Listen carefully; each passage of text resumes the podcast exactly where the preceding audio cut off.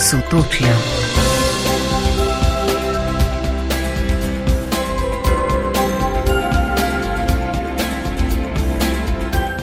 Dober večer, lepo pozdravljeni vsi, ki ste se odločili za družbo rojakin in rojakov iz sosednjih držav.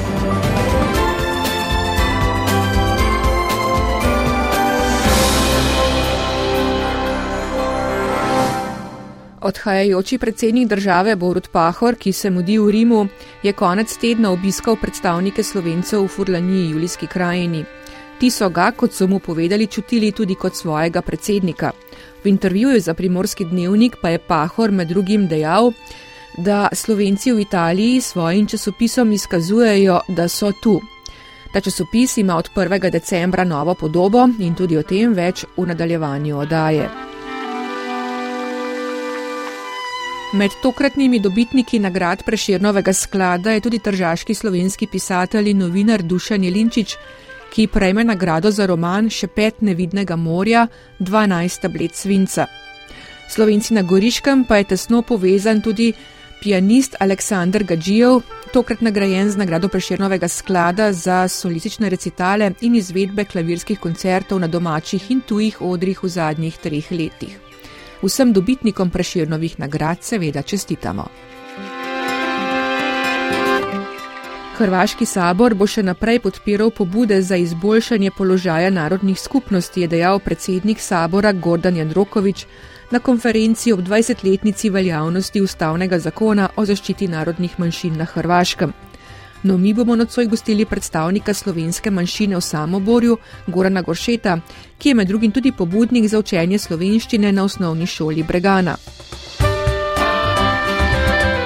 Zveza slovencev na Mačarskem je minuli teden objavila prvi razpis iz programa za porabske slovence, namenjen podjetnikom in podjetjem sedežem na območju, kjer prebiva slovenska narodna skupnost na Mačarskem.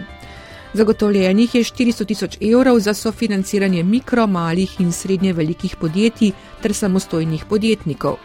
Mi se bomo nocoj pridružili porabskim učencem, ki so obiskali Pomorski muzej in se ob koncu odaje ustavili še v Mariboru, kjer so se v petek srečali učitelji šol, ki sodelujejo v čezmejnem projektu Erasmus.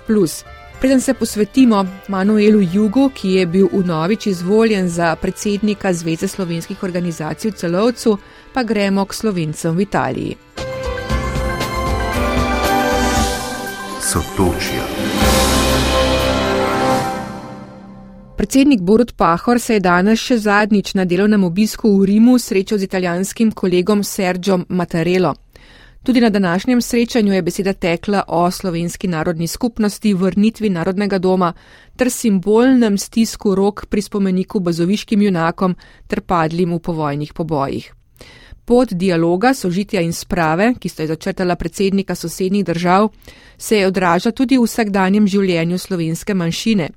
To sta poudarila predsednika krovnih organizacij Ksenja Dobrila in Walter Bandel, ki sta predsednika Pahorja pred iztekom mandata povabila na poslovilni obisk v Narodni dom v Trstu.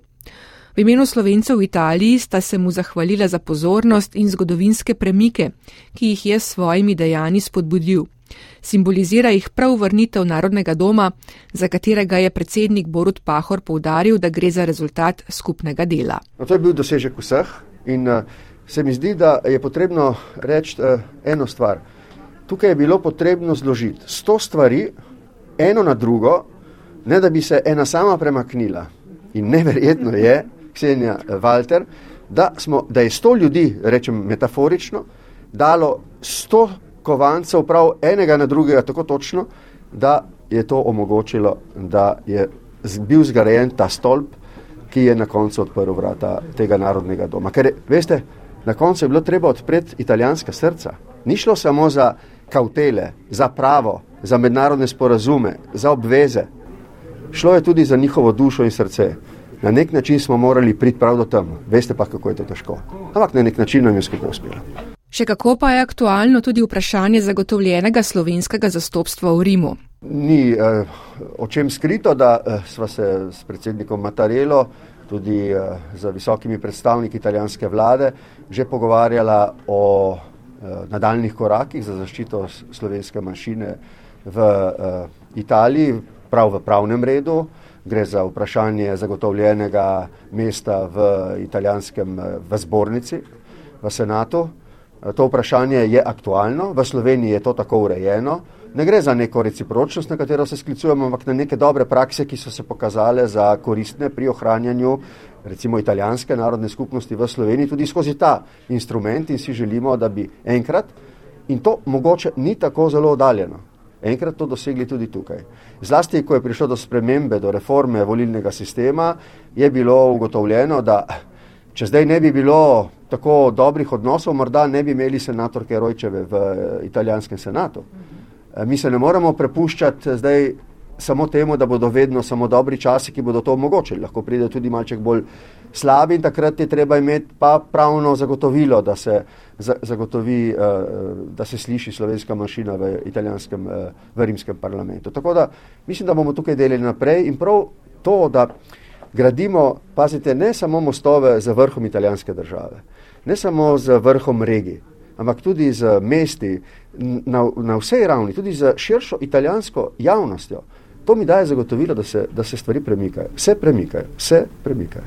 Tako je dejal predsednik države Borut Pahor na obisku pri Slovencih v Italiji v Trstu, kjer je obiskal tudi primorski dnevnik, no za ustvarjalce in bravce primorskega dnevnika je bil prazničen že prvi dan v decembru. Osrednji časopis Slovencev v Italiji je namreč išel v prenovljeni podobi.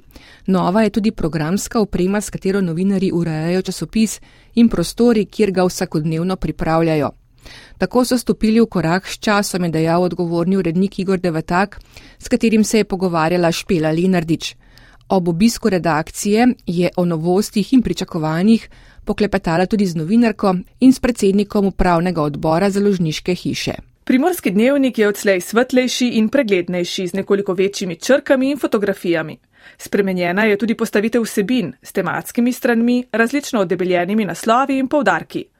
Po 30 letih je bila prenova programa, ki ga uporabljajo ustvarjalci časopisa, tako rekoč nujna, nam je ob obisku v redakciji priznal odgovorni urednik Igor Devetak. Ta prenova je sicer najprej uh, odraz neke potrebe, tehnične potrebe, da obnovimo, da prevzamemo nov deksijski sistem, torej sistem, s katerim postavljamo časopis. Ampak ta sprememba, tehnična, prinaša tudi organizacijske in tudi vsebinske spremembe.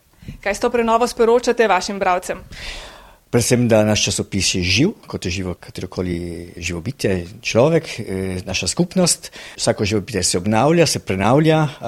Mi, kot primorski dnevnik, gotovo z bolj atraktivnim časopisom, bolj zračnim, bolj eh, dinamičnim, skušamo nagovarjati tudi mlajše, eh, mlajše bravce in tako zagotavljati neko potomstvo. Nova programska oprema je bila velik izziv predvsem za novinarje. Morali so se usposobiti in prilagoditi novim ustvarjalnim okvirom.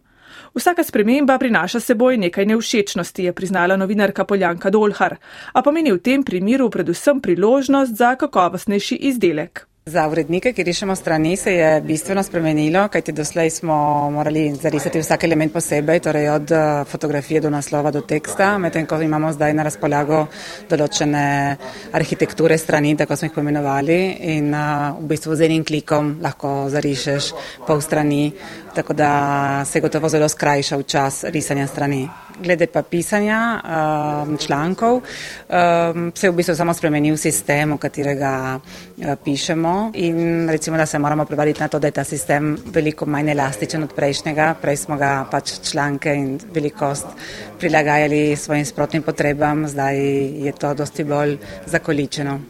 Kako te spremembe po tvojem mnenju sprejemajo bravci oziroma kaj je to najbolj očitna sprememba, ki so jo danes opazili bravci? Gotovo je bolj časopis bolj urejen. Mislim, da to tudi tako odzivi, ki smo, prvi odzivi, ki smo jih dobili, so vsi v bistvu omenjali to urejenost, zračnost časopisa, na nekaj več beline je. Po drugi strani nekateri drugi pravijo, da je manj novic zdaj na strani, to tudi je gotovo. Ampak tudi mislim prav zaradi tega, kar sem govorila prej, ta zakoličenost grafičnega sistema strani nas sili v eno večjo urejenost in mislim, da bo zato časopis bolj berljiv. Črka je tudi nekoliko drugačna, bolj zračna, tako da marsikdaj so nam starejši bravci rekli, da težko berijo na časopis, ker so bile nekaj včasih črke zelo stisnjene, tako da zdaj tega ne bo več. Uh, tako da upam, da ga bodo lepo sprejeli, kot vsaka novost, pač se treba na njo privaditi in uh, nekateri bojo sprejeli verjetno z večjim veseljem, drugi z manj, ampak tako iz prvih uh, odzivov bi rekel, da je bil kar dobro sprejet. Kolektiv primorskega dnevnika šteje 36 zaposlenih. Poleg tržaške redakcije, kjer dela večina sodelavcev, je tu še goriška redakcija. Časopis ima 24 strani, občasno pa bodo išle tudi obsežnejše izdaje z 32 stranmi.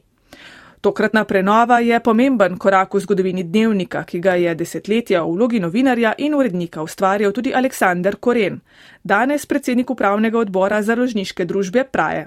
Mogoče prihaja z določeno zamudo v smislu, da bi bili morali to prenovo narediti že prej, ampak zmere niso bile zrele, zato predvsem finančne. Na ta način stopamo v korak s časom in bilo to pač tudi nekaj popolnoma nujnega tudi z tehnološkega in tehničnega vidika, ker naš prejšnji sistem je bil tako zastarel, da je to že skoraj v prazgodovino računalništva vse skupaj sodilo.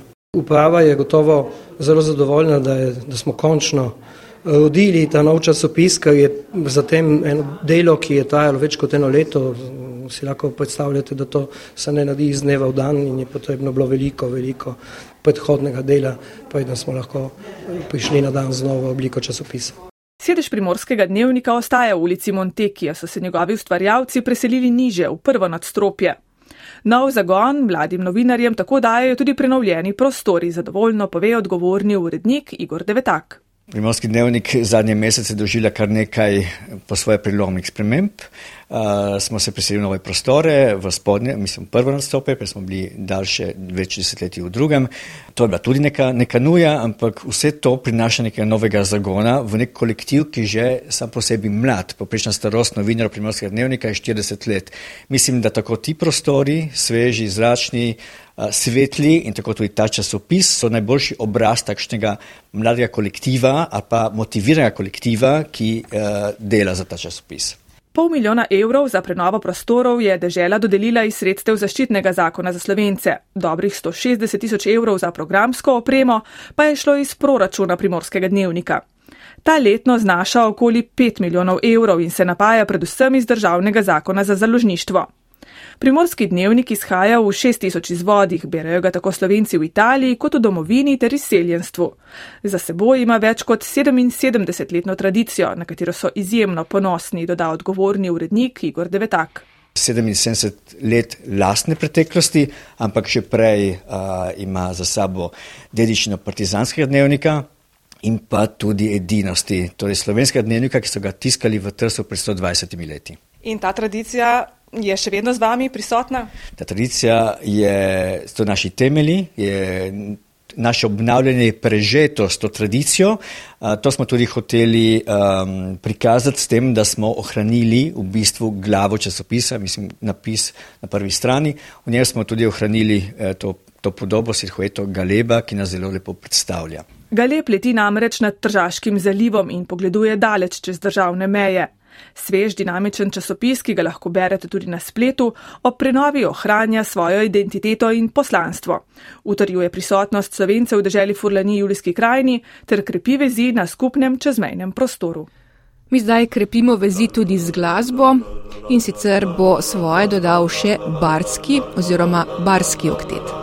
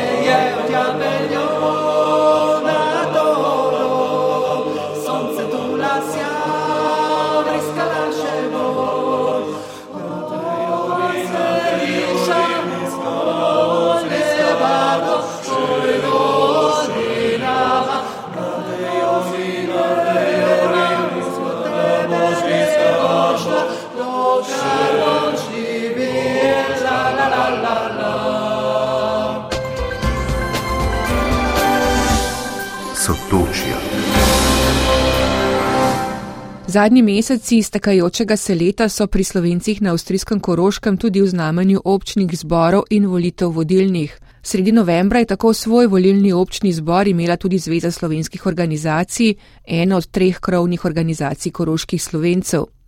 Dosedani predsednik Manuel Juk je dobil novično podporo za vodanje te organizacije. Podprlo ga je 95 odstotkov vseh, ki so glasovali. Že pred občnim zborom je Zveza koroških partizanov kritizirala konsenzno politiko sodelovanja s koroškim Hajmadinstom. To pa je vznejevolilo nekdanjega predsednika Marena Šturma, ki je organizacijo vodil več deset let in je bil tudi soavtor ideje o sodelovanju in povezovanju s koroškim Hajmadinstom.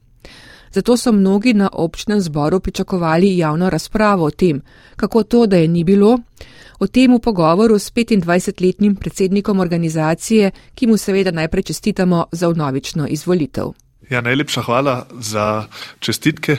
Um, tako je. Um, pred občnim zborom uh, je kar dvignilo nekaj prahu, ker sta se Zveza koroških partizanov na eni strani in Marjan Štum na drugi strani um, uh, kar nekaj stvari um, v bistvu tudi povedala v javnosti. Um, in moja zamisel je bila, da seveda se en občni zbor spelje solidno in zato mi je bilo važno, da sem z vsemi faktori tudi govoril in da smo imeli en dialog tudi že pred občnim zborom, tako da se lahko marsikaj tudi razčisti in reši um, nesporazumi ali pa konflikti. Prišlo je pol seveda tudi do pogovorov z Zvezo koroških partizanov, ampak tudi z Marjanom Šturmom in smo potem iz tega tudi naredili določene sklepe in zato je pa občni zbor potem tudi um, potekel, ker smo se um, usedli na eno mizo in smo se pogovorili z posameznimi partnerji in to so pač nekateri ocenili kot pozitivno, večina je tako ocenila kot pozitivno, seveda pa nekateri so pričakovali, da bo to bolj divje, po domače rečeno, tega pa ni bilo in kar je mislim tudi pozitivno. Se pa je, se mi zdi, nekako tudi v svojem govoru dokončno poslovil. Uh, dolgoletni predsednik Zveze slovenskih organizacij Marjan Šturm. Ne? Tako je, Marjan Šturm je po več desetletjih eh, se poslovil od organizacije, od odborov organizacije je bil um, najprej deset let tajnik, na to skoraj 30 let predsednik in zdaj še eno dobo predsednik nadzornega odbora, v novi periodi pa ni več član odbora.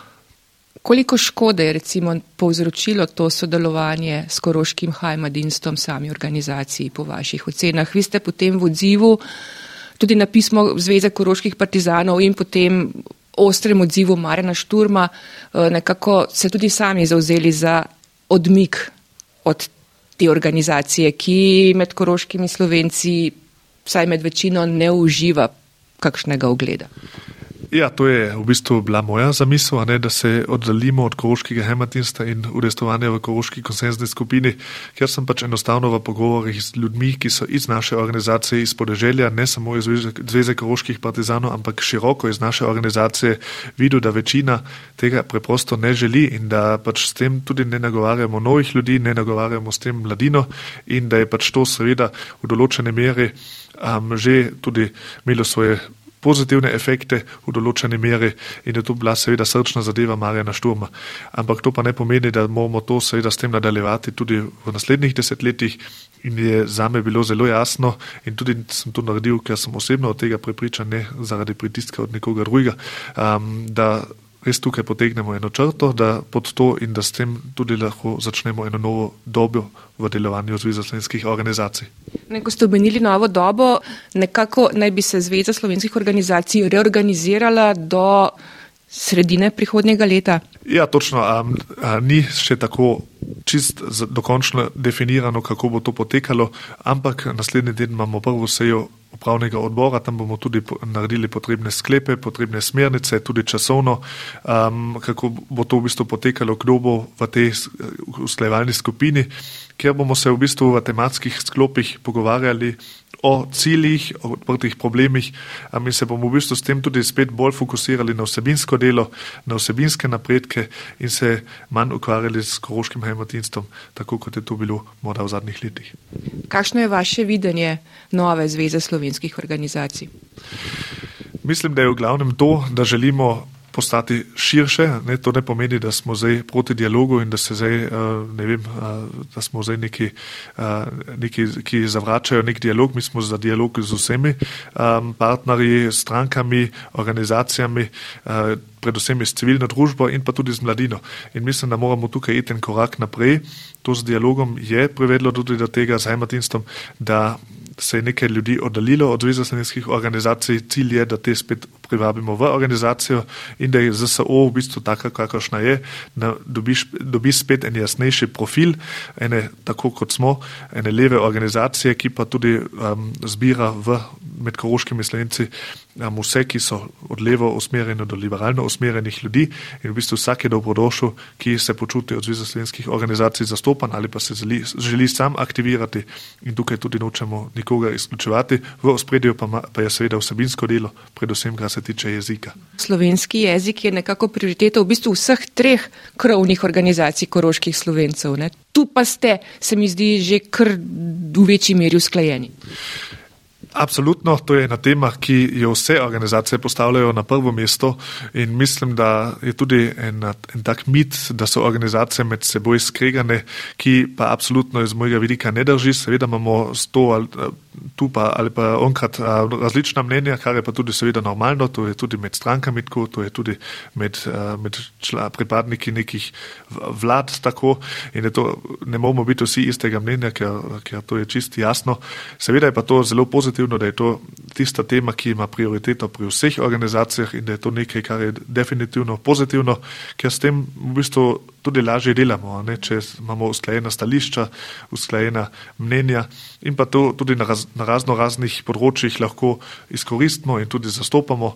Um, nekdo pozna nekoga bolje, nekdo spet nekoga drugega in potem vsak na svoj, po svojih močeh lahko prispeva nekaj k temu. Kako je pa z reformo sodstva? tudi tu ste, če se ne motim, usklajeni. V večji meri že, ampak nismo imeli še konkretnega predloga, kako bo to izgledalo. Um, je nekaj stvari, ki, uh, ki je še seveda odprtih. Uh, treba bo seveda tudi govoriti o tem, zaenkrat je to spet um, zaspalo nekako, mislim tudi predvsem zaradi deželno-zborskih volitev in to vprašanje bo sigurno spet um, spomladi postalo aktualno in potem se bomo o tem spet pogovarjali. In ko smo pri deželjno-zborskih volitvah 5. marca bodo potekale in na listi socialdemokratske stranke boste kandidirali tudi vi. Moja kandidatura je bolj simbolična. Jaz bom ostal a, predsednik Zveze slovenskih organizacij, sem tudi na mestu, kjer a, ni, ni izgledane in mi je to tudi absolutno v redu, tako kot je. In v bistvu sem časovno zelo upleten a, z delom in imam dosti dela v šoli in pa pri Zveze slovenskih organizacij in a, ne bi še želel še dodatno. Um, to, to je ta izziv, ki, sigur, ki ga ne izključujem zavedno, ampak zaenkrat to ne vidim kot realno opcijo. Na katerem mestu pa boste potem? Ja, v Avstriji je to zelo komplicirano, to imamo tiste volilne kroge, tam sem nekje pri, na 15. mestu, na državni ravni pa na 19. mestu, uh, kar v bistvu od 72 kandidatov sem kar bolj spredje, ampak ne na takem mestu, kjer bi dobil mandat. Ja. A to pomeni morda, da uh, v deželnem parlamentu po volitvah marca ne bo več predstavnika slovencev oziroma svetnika iz vrst slovenske narodne skupnosti? Ja, mislim, a, ti, kar kandidirajo pri različnih strankah, pri timu Koroška, bojo, kan, bodo kandidirali koroški slovenci, pri zelenih Olga Foglava, pri socialdemokratih. In če bo, bo, če ne bo, pa tudi ne bo problema, ker vem, da imamo zelo veliko zaveznikov tudi izmed, iz vrst um, večinskega naroda in bomo tudi preko teh lahko vnašali naše zahteve in naše predloge. In mislim, da da, da, se, da me to ne skrbi. Potem to ni tako velik problem, kot bi si mogoče kdo predstavljal v Sloveniji.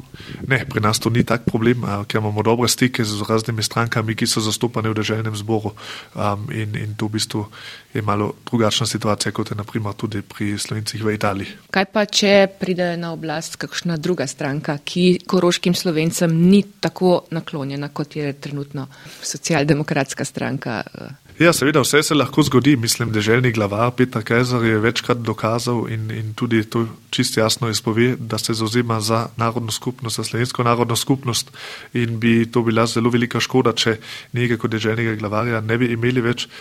Seveda je pa vse možno in iz trenutnega vidika ne vemo, kaj se bo razvilo in bo za narodno skupnost seveda važno, da pač z vsemi, ki bojo na oblasti in pa tudi v opoziciji, da bo z vsemi sodelovala in na ostalo pa itak nimamo vpliva v bistvu. Kaj je vaš največji izziv zdaj, Manuel Juk, ko so vas izvolili vnovič za predsednika Zveze slovenskih organizacij, ta reforma organizacije? Reforma organizacije, bolj tak usklajevanje znotraj organizacije, izboljšanje komunikacije tudi med Zvezo slovenskih organizacij in drugimi organizacijami, predvsem pa z učlanjenimi organizacijami. Potem imamo zelo veliko izzivov na izobraževalnem področju, torej dela ne bo zmanjkalo in pa seveda tudi znotraj ZSO, da pač tudi tistim, ki so zaupanje v ZSO nekako izgubili, da tudi te dobimo nazaj. In še dva faktorja, sta mladina in pa ženske, um, katere so v Zvezi slovenskih organizacij bolj redko zastopane, da tudi na tem področju naredimo neke korake, da bi se to izboljšalo. Manuel Juk, hvala za pogovor. Seveda bomo spremljali, kako uspešni boste tudi v prihodnje. Hvala. Hvala lepa. In ko smo že pri volilnih občnih zborih, Krščansko kulturno zvezo iz celovca bo še naprej vodil Janko Krištof, župnik v Bilčevsu. Tajnik je postal Martin Kuhlink, njegova predhodnica Zalka Kilif Olip, pa bo odslej namestnica tajnika. Mi nadaljujemo z glasbo, na poti in vek je naslov drugega albuma skupine Praprotnice, ki delujejo pod okriljem slovenskega prosvetnega društva Rož. Na albumu, ki so ga izdali ob 80. obletnici pregona, je več v glasbenih pesmi koroškega slovenskega pesnika Andreja Kokota, ki se je poslovil pred desetimi leti. Ena od njih je tudi Le kaj naj storim.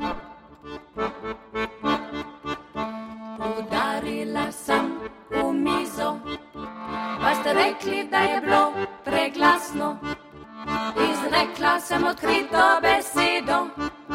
Pa ste rekli, da je bila preresnična. Povedala sem vam, da sem tu, pa ste rekli, da lažem, le kaj naj še storim.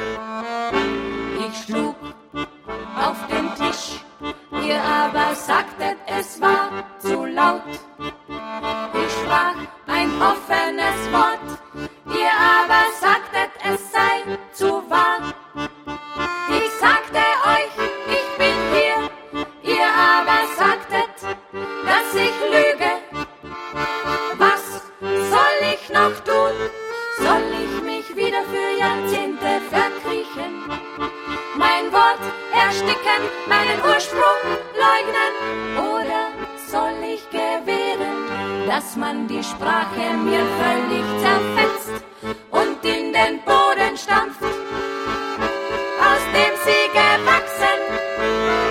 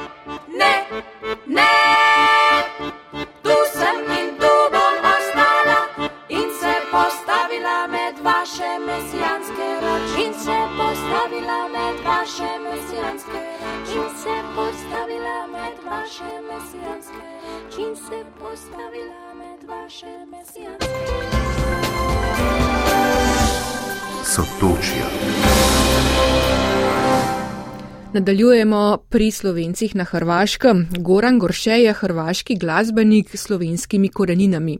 Slovenijo ga ne povezujejo le predniki, temveč tudi delo. Uči namreč v dveh glasbenih šolah ob meji, v hrvaškem Samoborju in slovenskih Brežicah. Ob tem je tudi predstavnik slovenske skupnosti v svetu mesta Samobor in vodi znano tokalsko skupino Sudar Prkašen, s katero nastopa tudi po Sloveniji. Z Goranom Goršetom se je pogovarjala naša zagrebška dopisnica Tanja Borčič-Bernard. Goran Gorše je rojen v Zagrebu, po očetovi strani ima korenine iz celja, no slovenščine se ni naučil v družini. Ha, slovensko sem se naučil čez leta, veliko delujem z slovenci, tudi učim eh, na Brežiški glasbeni šoli, tako da tam uradni jezik slovenščina, tako da eh, z otroci govorim po slovensko, pa tudi z starši. Diplomiral je na Zagrebški glasbeni akademiji in deluje kot profesor Tolkal v dveh osnovnih glasbenih šolah, v Samoboru, kjer tudi živi, in čez mejo v slovenskih Brežicah. Brežice grem dvakrat tedensko, mogoče kdaj pa trikrat tedensko, ko imamo kakšne konference ali neke druge obveznosti zadeve, največ eh, tak recimo 8 do 10 krat na, na mesec. Vi morate vsakič eh, iti čez mejo, kako to izgleda?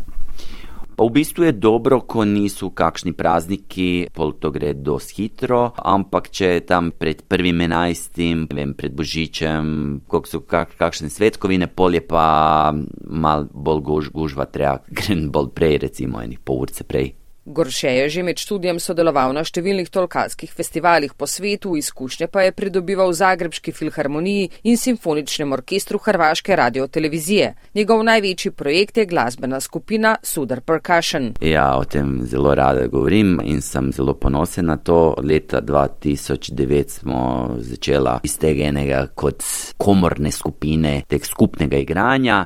Smo začeli tako mal kot prijatelji, kot moji učenci, pa bivši učenci in pol leta 2010 smo to se skup oformili kot profesionalno skupino in leta 2013 smo izdali prvi album, prvi CD.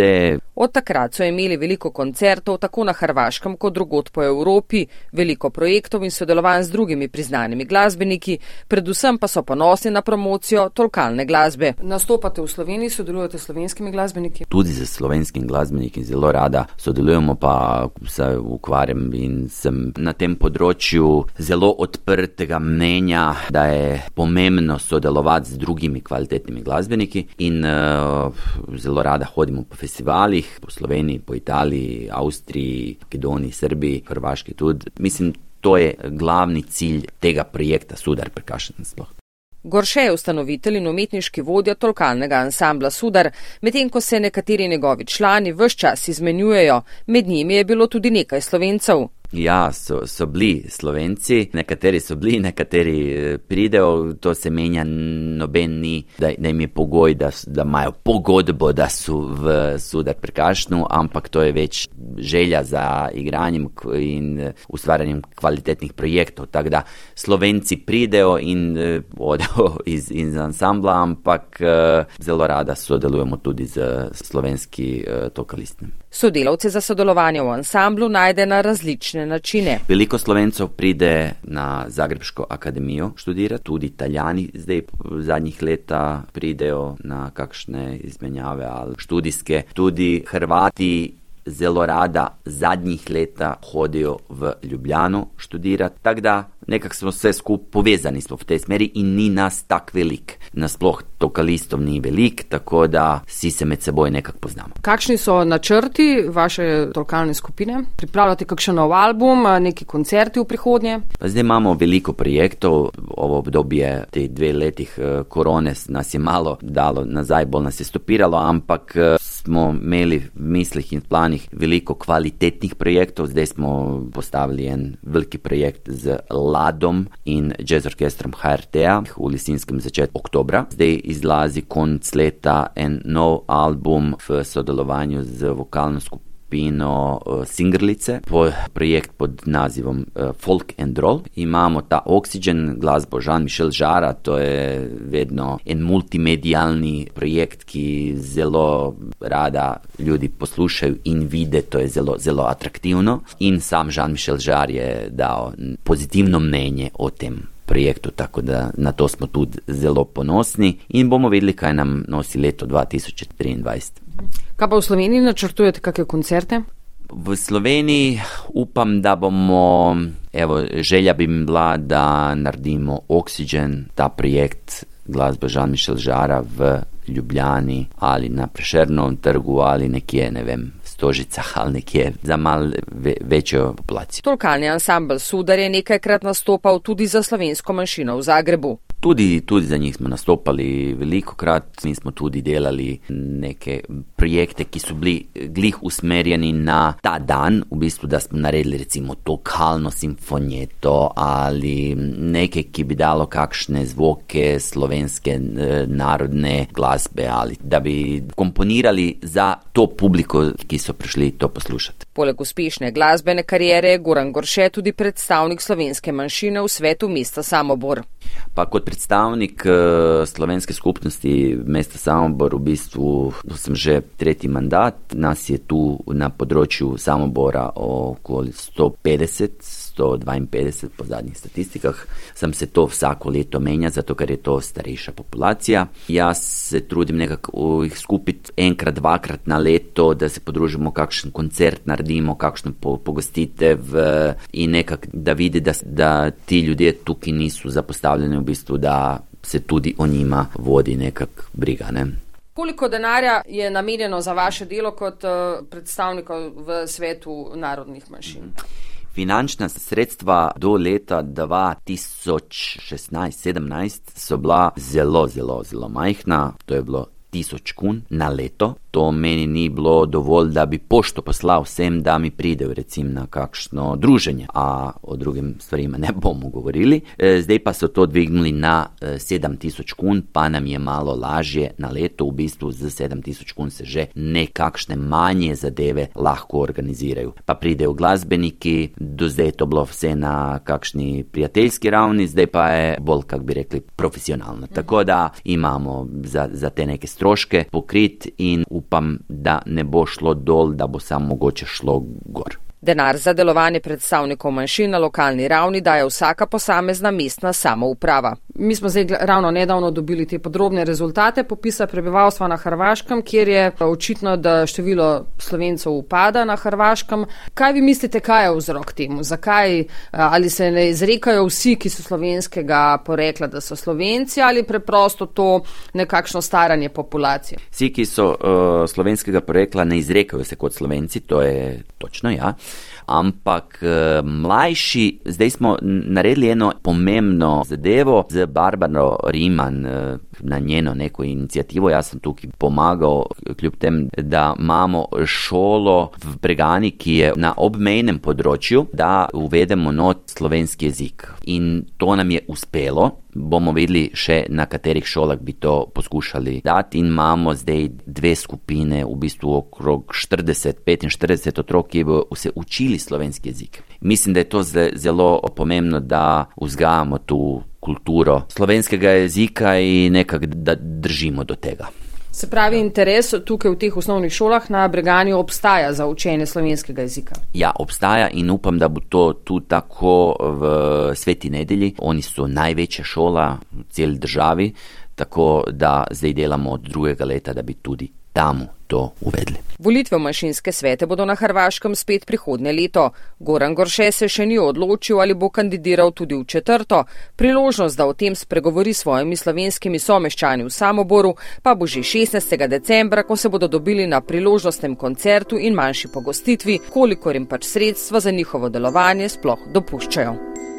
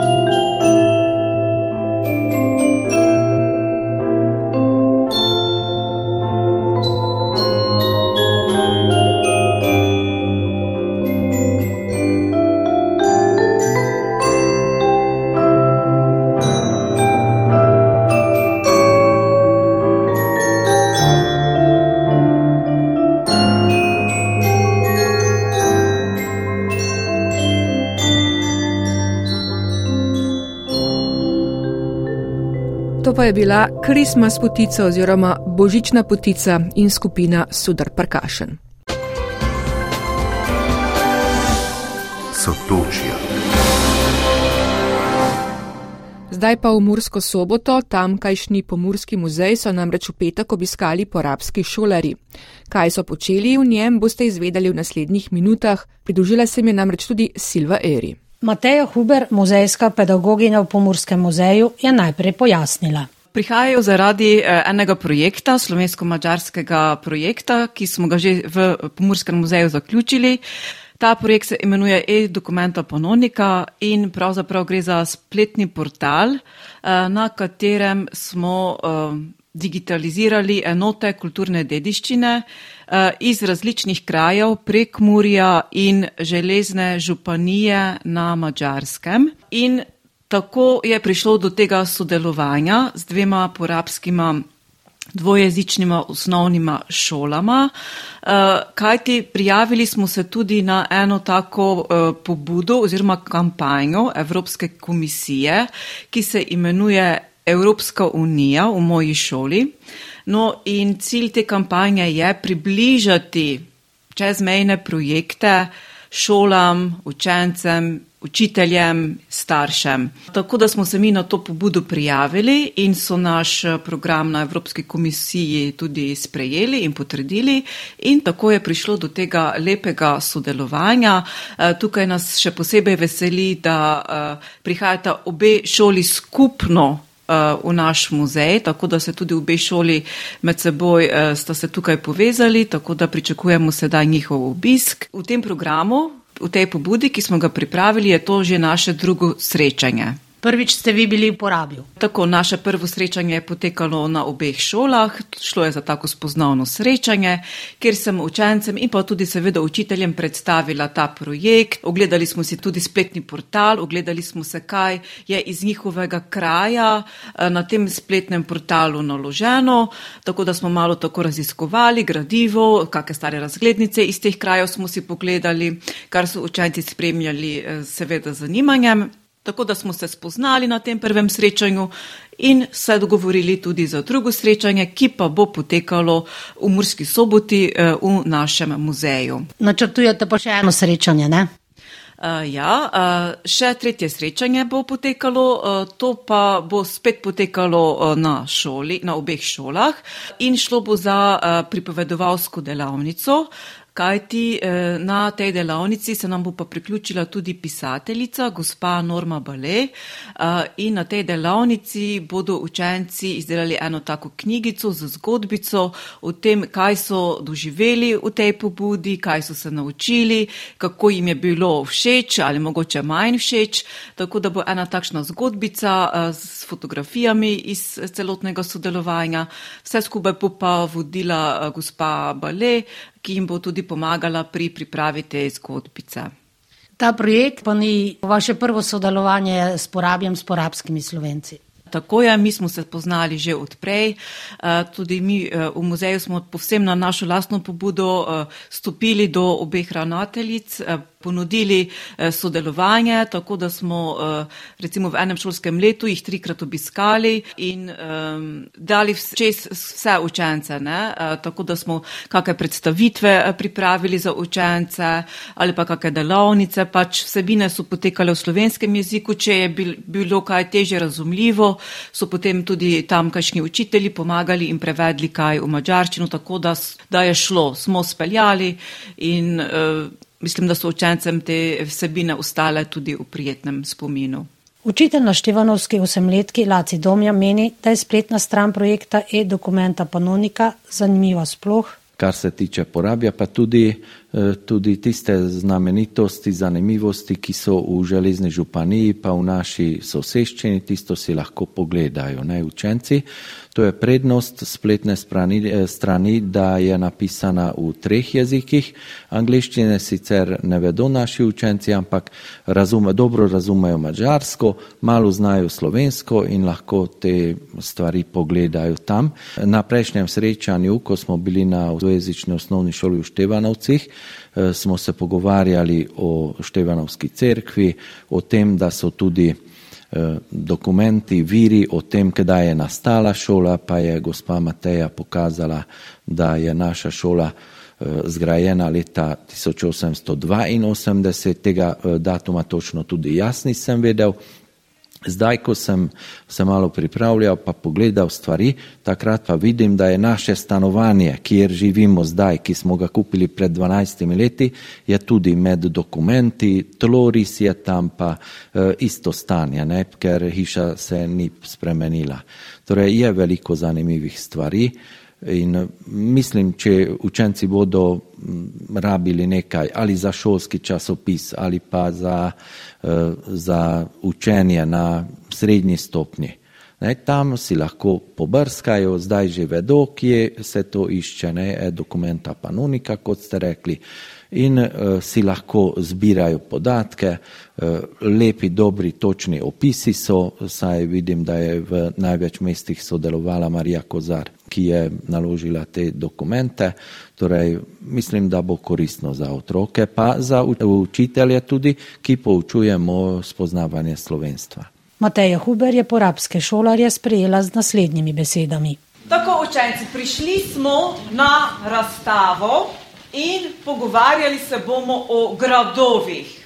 Da boste lažje razumeli, eh, zakaj so se gradovi nekoč gradili, vas bom najprej vprašala, ali še danes gradimo gradove. Kaj mislite? Da ali ne? Da ali ne? Ne. ne. Tako, torej gradov danes več ne gradimo. To pa zato, ker je danes družba povsem drugačna, kot je bila družba v času srednjega in novega veka. Osmošolka Vanessa Šulič, ki obiskuje Gornjeseniško osnovno šolo, je prvič obiskala Pomorski muzej, ki se nahaja v Soboškem gradu. Na vprašanje, če bi sama živela na gradu, je odgovorila. Rada bi, ampak na to po mojem ne imam možnost zdaj že. Kako se ti zdi to, da imate tudi takšne izlete, da spoznavate tudi te stvari, kot je recimo Soboški grad? Se mi zdi, da je to dobro, ker um, malo spoznamo boje Slovenijo in um, bomo vse več vedeli o tem. Ko so lahko prišli v Soboški muzej, večina so že bili najdosobnejši razred, odekati ponavadi pridemo na izlet, pa se te grad tu obiščejo, da pa to je že par let nazaj bilo. Zdaj pa konkretno gradove spoznavajo, kade kakšni gradovi bili, pa kdo so živeli tam, zdaj sprav te spoznavajo pa o tem, ka se pogučavajo, pa sa svojimi očmi lahko prepričajo, kakšna oprema so bila tistega IPA v gradi, ne, to je tu zanimivo za nje, pa že to je tu vredno bilo, kad je na jedan dan ne tar na šalu tejti. Je še dodala ravnateljica dvojezične osnovne šole Jožefa Košiča Gorni Senik Ildiko Dončec Strajber. Luče,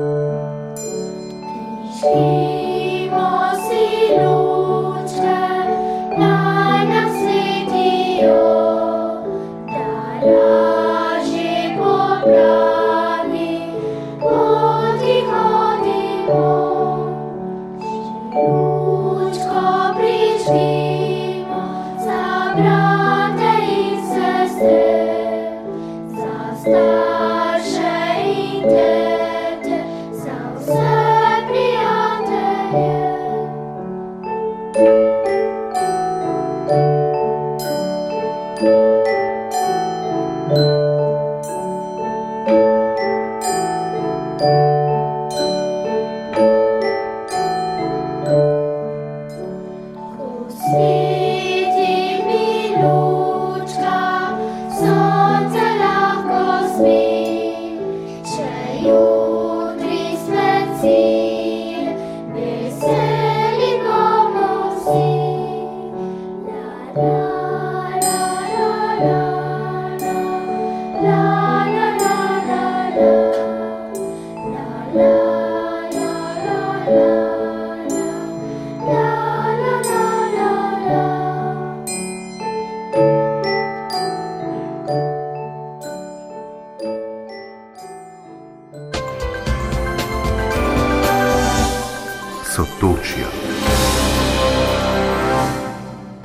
sklepnem delu odaje se ustavimo še v Mariboru, kjer so se v petek srečale avstrijske in slovenske šole povezane v program Erasmus. Tradicionalno srečanje Štajermark Štajerska, ki poteka vsako leto bodi si na eni, bodi si na drugi strani meje, temelji prav na čezmejnem povezovanju šol. Da je program šolam zanimiv, dokazuje rekordna udeležba, saj je na srečanju sodelovalo več kot 80 predstavnikov šol, poroča Bojana Šrajner Hrženjak. Deliti znanje, krepiti jezik, nova izkušnja iz tujine in imeti prijatelja čez mejo, to so glavni razlogi, zaradi katerih se učitelji, profesori in ravnatelji zanimajo za program Erasmus. Vsako leto je število udeležencev večje in če so pred leti v program vključevali zgolj šole z mlajšimi učenci, leto sodelujejo tudi poklicne šole, gimnazije in više šole iz treh slovenskih šolskih zavodov. Ich bin ähm, vor allem sehr, sehr dankbar, dass auch gleich aus drei ähm, slowenischen Verwaltungseinheiten, was das Schulische anbelangt. Predstavnica programa Marija Pihlbauer je navdušena nad izjemnim zanimanjem slovenskih šol, saj vsa leta v programu prednjačijo avstrijski udeleženci, počasi pa prednosti programa prepoznavajo tudi slovenci. Veliko spodbude šole prejmejo od šolskega zavoda celje, predstavnica Špela Drstvenšek. Torej, ker sem to izkusila tudi kot ravnateljica in videla, kakšen doprinos prinese takšno sodelovanje z šolami v tujini eh, našim eh, učencem, dijakom in učiteljem, zagotovo lahko sedaj še z večjo gotovostjo to ponudim tudi šolam v ostalih delih Slovenije, torej v mojem primeru v območju enoti celje eh, in jih spodbujam, da tudi na ta način iščejo možnosti in priložnosti za poglabljanje znanja, ki ga učenci učenci pridobivajo in dijaki v šolah pri pouku, hkrati pa tudi za razvijanje določenih veščin, ki jih znotraj samega pouka ne morejo. Ne? Tako da lahko v tem primeru uterjujejo komunikacijo v tujem jeziku, spoznavajo življenje, delo, prosti čas otrok in dijakov druge po svetu, v tem primeru pač v Avstriji, ker tudi se mi zdi, da mogoče bolj poznamo tiste dežele, ki so malo bolj oddaljene in so nam mogoče malo bolj mamljive dosti manj pa poznamo, kaj se dogaja v naši neposrednji bližini. Dodala je še, da s tovrstnimi programi nudijo izkušnjo v tujini vsem šolarjem. Mi vemo, da imamo kar nekaj socialno šibkih eh, družin, torej otroki nimajo možnosti, da bi videli svet, če rečem tako, eh, in s tem jim ponudimo tudi to možnost. Ne? In jaz res moram priznati, tako naši otroci iz Maribora v tistem času, kot otroci iz Graca, ker v tej šoli je bilo veliko učencev tujcev, jim je bila to eh, zelo zanimiva izkušnja.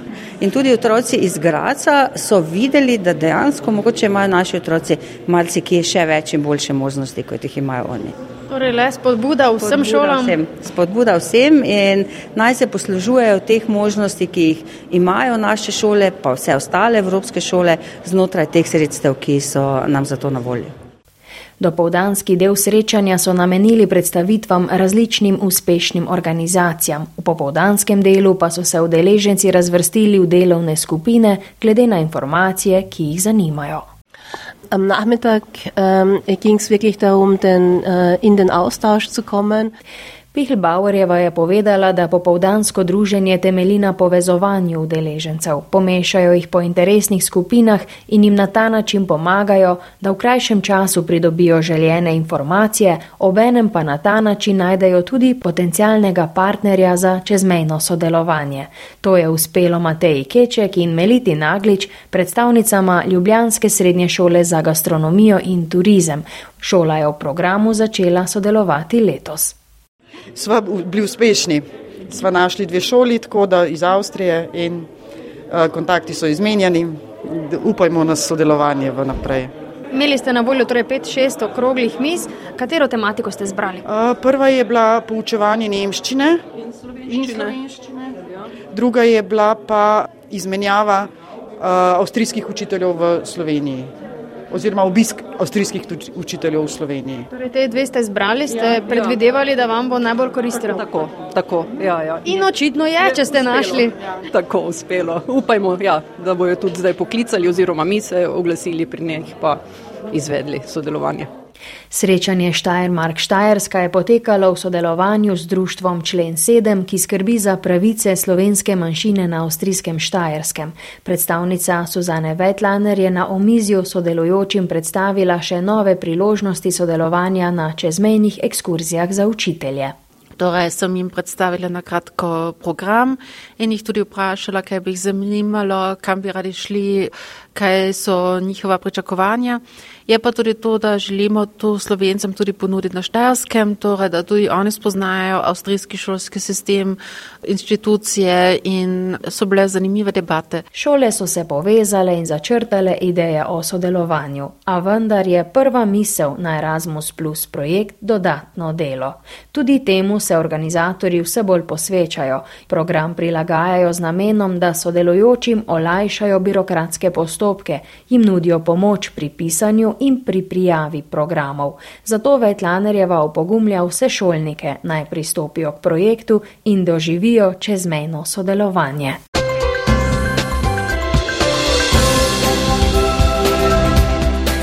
Sotočja smo tokrat pripravili tonski mojster David Lap in novinarke Špela Lenardič, Tanja Borčič Bernard, Silva Eri, Bojana Šrajner Hrženjak in Mataja Železnikar. Vedno znova nas lahko poslušate na spletni strani prvega programa, kjer med oddajami poiščete sotočja. Lahko se naročite na podcast ali nas najdete v spletnem arhivu RTV 365 ali pa enostavno v iskalniku pišete Sotočja Radio Slovenija. Srečno in nasvidenje do prihodnje oddaje. Sotočja.